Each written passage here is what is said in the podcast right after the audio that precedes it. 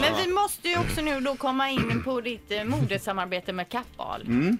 Eh, vad är din del? Du är ju deras frontfigur för en ny linje herrkläder. Vad, vad gör du? Vad är ditt, eh, vad är din uppgift? Det är ungefär den frågan jag ställde mig när jag började. Och eh, det har blivit så enormt mycket bättre än vad jag trodde det skulle vara. För att när de kommer med den här förfrågan så är det ju först att man som en gammal gubbe egentligen blir väldigt stolt över det här då liksom. För de hade, ja, gillade personligheten Glenn och plus hur jag gick klädd på det sättet som jag gick klädd, lite leisure, casual sådär. Men ändå med saker och ting som alltid stack ut på grejerna. Det var alltid någon detalj som jag Eh, tyckte var fräckt på det plagget jag köpte, även om det var ganska vanliga plagg, så det är inga sådär exklusiva plagg. Men din, din privata smak? Ja, alltså. lite grann Ja. åt det hållet. Och sen då, när jag väl började med det här så tyckte jag att jag låg min nos i allting. Va? Tog med mig grejer, hade med mig klipp, visade hur jag tyckte det var fräckt och eh, tog med mig mina egna, öppna egna resväskor och visade de grejerna gillar jag på det. Och så Och så köpte de det? Ja, så var det. Jag trodde jag var en pain in the ass. Och så säger de istället tvärtom att de tyckte det var underbart för de har jobbat en hel del av dem där inne kanske på olika företag innan och med andra ansikten så att säga. Och de har kanske brytt sig lite mindre, så de tyckte bara det var ännu roligare att det var någon som var så engagerad. Och då blev jag ju ännu mer engagerad. Så Så, det är inte kanske det att är du är bara överengagerad. ansiktet utåt utan du har varit med och tyckt till om de kläderna du har på dig också? Ja, precis allting hela, ja, hela vägen. Och så. Vilka snygga bilder Glenn. Ja, det, ja, du är ju supervass här på dem. Ja, och resan är inte över Glenn. Nej.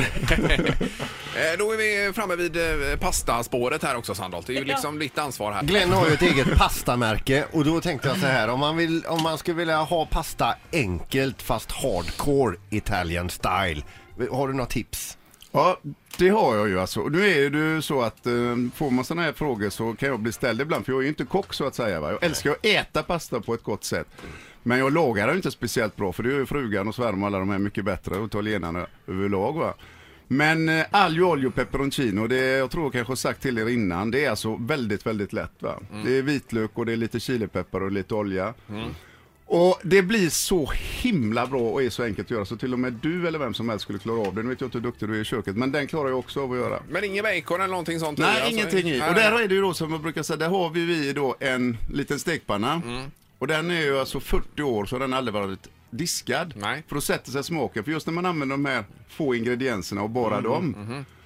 Har man då den så sitter det lite extra, du får lite ändå smak på det. Va? Så den så stekpannan den ligger överallt i resväskan när vi är ute och åker och så vidare. Då kan man eh, först laga god pasta om 40 år här om man ska köpa en stekpanna. Ja, nej, men man tar över den. Hälsovårdsmyndigheten Man- om den pannan undrar jag. Ja, vi tog över den från svärmor så att säga, för hon hade använt den. Eh, nu till eh, tre frågor vi har diskuterat här i programmet under veckan då. Har du somnat i duschen någon gång? Aldrig.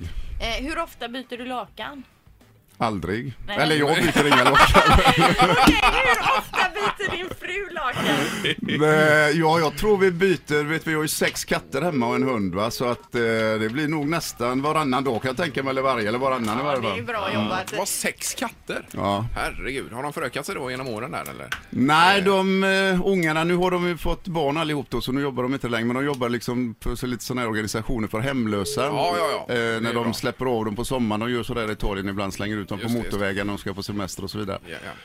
Och då är det ibland sådana som tyvärr då inte får plats utan de måste avlivas om de inte hittar någon. Och då, på den tiden då tog de alltid hem dem för att ha dem hemma en vecka och då visste man ju att de blev kvar år. Va? Ja, Så att det, ja, ja, men det är ju en bra sak.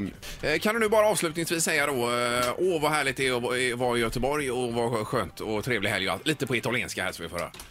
È ancora fantastico essere qua a Gothenburg. E hanno detto anche a me che c'era sole qua vicino l'acqua, vicino il mare stamattina, e invece il sole non vedo tanto, e fa abbastanza freddo anche, però come al solito è fantastico essere qua a casa mia. Ändå lite som italienska på Ja. göteborgska. Ja, det är ju så. Det är ju så tyvärr. Det har blivit även en liten grej av dem där i Bergamo. Nu är ju den dialekten liksom ganska mycket lik eh, lite åt Göteborgska. tyska hållet eller Österrike, Schweiz för det är långt upp va? Jaha, okej. ja, Så ja. där går de med på att det inte låter så melodiöst som det gör nere i södra Italien då liksom. va? För jag pratar ju alltså språken även på engelska så skrattar ju de som är ute och reser med mig för det är göteborgska på Ja, ja, engelska det är ju också. helt Ja, men du är grym. Fantastiskt. Ett poddtips från Podplay.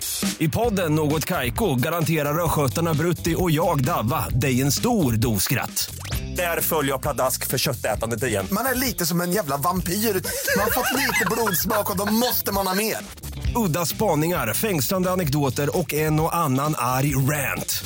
Jag måste ha mitt kaffe på morgonen för annars är jag ingen trevlig människa. Då är du ingen trevlig människa, punkt. Något Kaiko, hör du på Podplay. Därför är gardinerna.